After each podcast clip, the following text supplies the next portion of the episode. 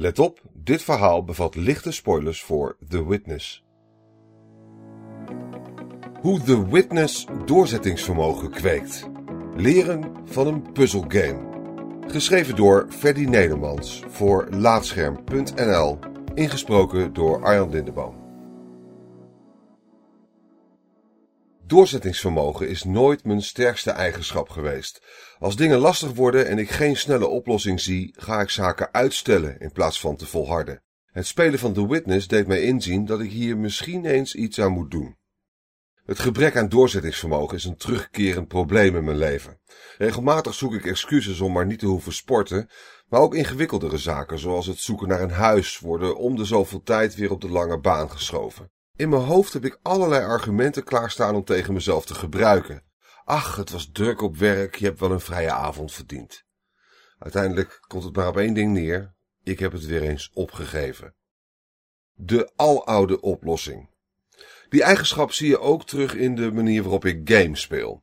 Ik waardeer uitdaging, maar tot een bepaalde hoogte, want zodra het echt moeilijk wordt, haak ik meestal af. In plaats van even door de zure appel te bijten of mijn vaardigheden beetje bij beetje te verbeteren, sluit ik de game af wanneer de uitdaging te groot wordt. Zo heeft Dark Souls 3 mij inmiddels al zeker drie keer overwonnen. De game gaat dan uit de PlayStation 4 en weer voor een aantal maanden de kast in. Alweer verslagen. In het geval van Dark Souls 3 houden met name mijn motorische vaardigheden mij tegen om verder te komen in de game. Maar er zijn ook genoeg games waar ik op een andere manier mijn verlies moet bekennen. Met name het point-and-click genre weet me geduld te testen. Zelfs de meest simpele combinaties komen in mijn grijze hersenmassa niet naar boven drijven en de wilskracht ontbreekt om constant verschillende voorwerpen met elkaar te combineren om tot een oplossing te komen, of deze nou logisch is of niet.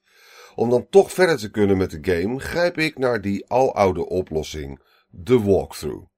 Het voelt zwak om niet zelf op zoek te gaan naar de oplossing. En raar, omdat het werk door te spitten van mensen die wel het vereiste doorzettingsvermogen hadden. Gecontroleerd puzzelen. Ik wilde dan ook eigenlijk niet beginnen aan The Witness, de puzzelgame van braidmaker Jonathan Blow. Een ingewikkelde puzzelgame zou aan mij verloren gaan. Ik was er zeker van dat ik al vrij snel naar een walkthrough zou grijpen. Een puzzelgame kopen om vervolgens iemand anders de puzzels te laten oplossen, dat slaat toch helemaal nergens op. Toch zorgde herhaaldelijke lofzangen van vrienden en collega's ervoor dat ik op de koopknop drukte.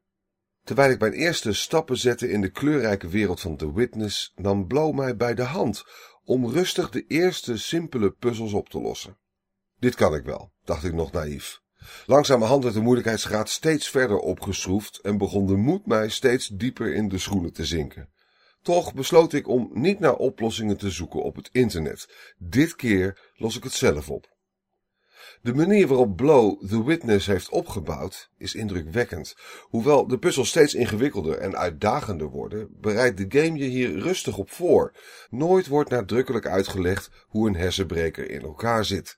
Wel worden nieuwe spelmechanismen gecontroleerd aan je voorgesteld, puzzel voor puzzel, waardoor je zeker weet dat je alle kennis in huis hebt om de voorgelegde enigma's op te lossen. De game verwacht wel doorzettingsvermogen van zijn spelers. Tot mijn grote verbazing toonde ik dat ook. Ik heb een oud wiskundeschrift helemaal volgeklapt met puzzels, zodat ik op het werk ook nog bezig kon zijn met het oplossen van de vraagstukken. Voor het slapen gaan keek ik op mijn telefoon naar foto's die ik had gemaakt van de game, zodat ik nooit hoefde te stoppen met puzzelen. Ik was geobsedeerd door de witness. Het belangrijkste is dat ik, zelfs wanneer het tegen zat en ik dagenlang niet verder kwam, nooit heb opgegeven. Patroon doorbroken. De game testte mijn doorzettingsvermogen met name via één puzzelreeks. Je hebt voor al deze puzzels samen maar een paar minuten om ze op te lossen. De opgaven worden samengesteld via een algoritme en veranderen dus elke keer dat je het opnieuw probeert. Simpelweg de oplossingen onthouden of opschrijven is geen optie. Drie dagen lang heb ik mezelf uren gepijnigd met deze puzzelsequentie en bijbehorende zenuwslopende muziek.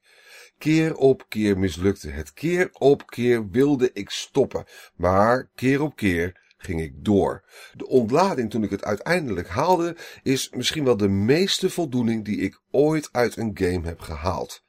Ik ben nog steeds trots dat ik bij de 5,2% van de spelers hoor die de puzzelreeks ooit heeft voltooid. Mijn ervaringen en tegenslagen in de witness deden mij realiseren dat ik in mijn dagelijks leven misschien ook wat meer voldoening vind wanneer ik wat minder opgeef. Een nieuw huis heb ik nog niet gevonden, maar in het vaker sporten zit al een stijgende lijn. En dat is iets dat geen andere game bij mij ooit voor elkaar heeft gekregen. Dankjewel voor het luisteren naar Laatscherm voorgelezen. Als je waardeert wat we hier doen, dan zouden we het leuk vinden als je even een sterrenrating en een recensie achterlaat op Apple Podcasts of de podcastservice van jouw keuze. Abonneer je ook op onze andere podcast, Praatscherm. En ga voor deze en meer verhalen, geschreven of gesproken, naar laatscherm.nl.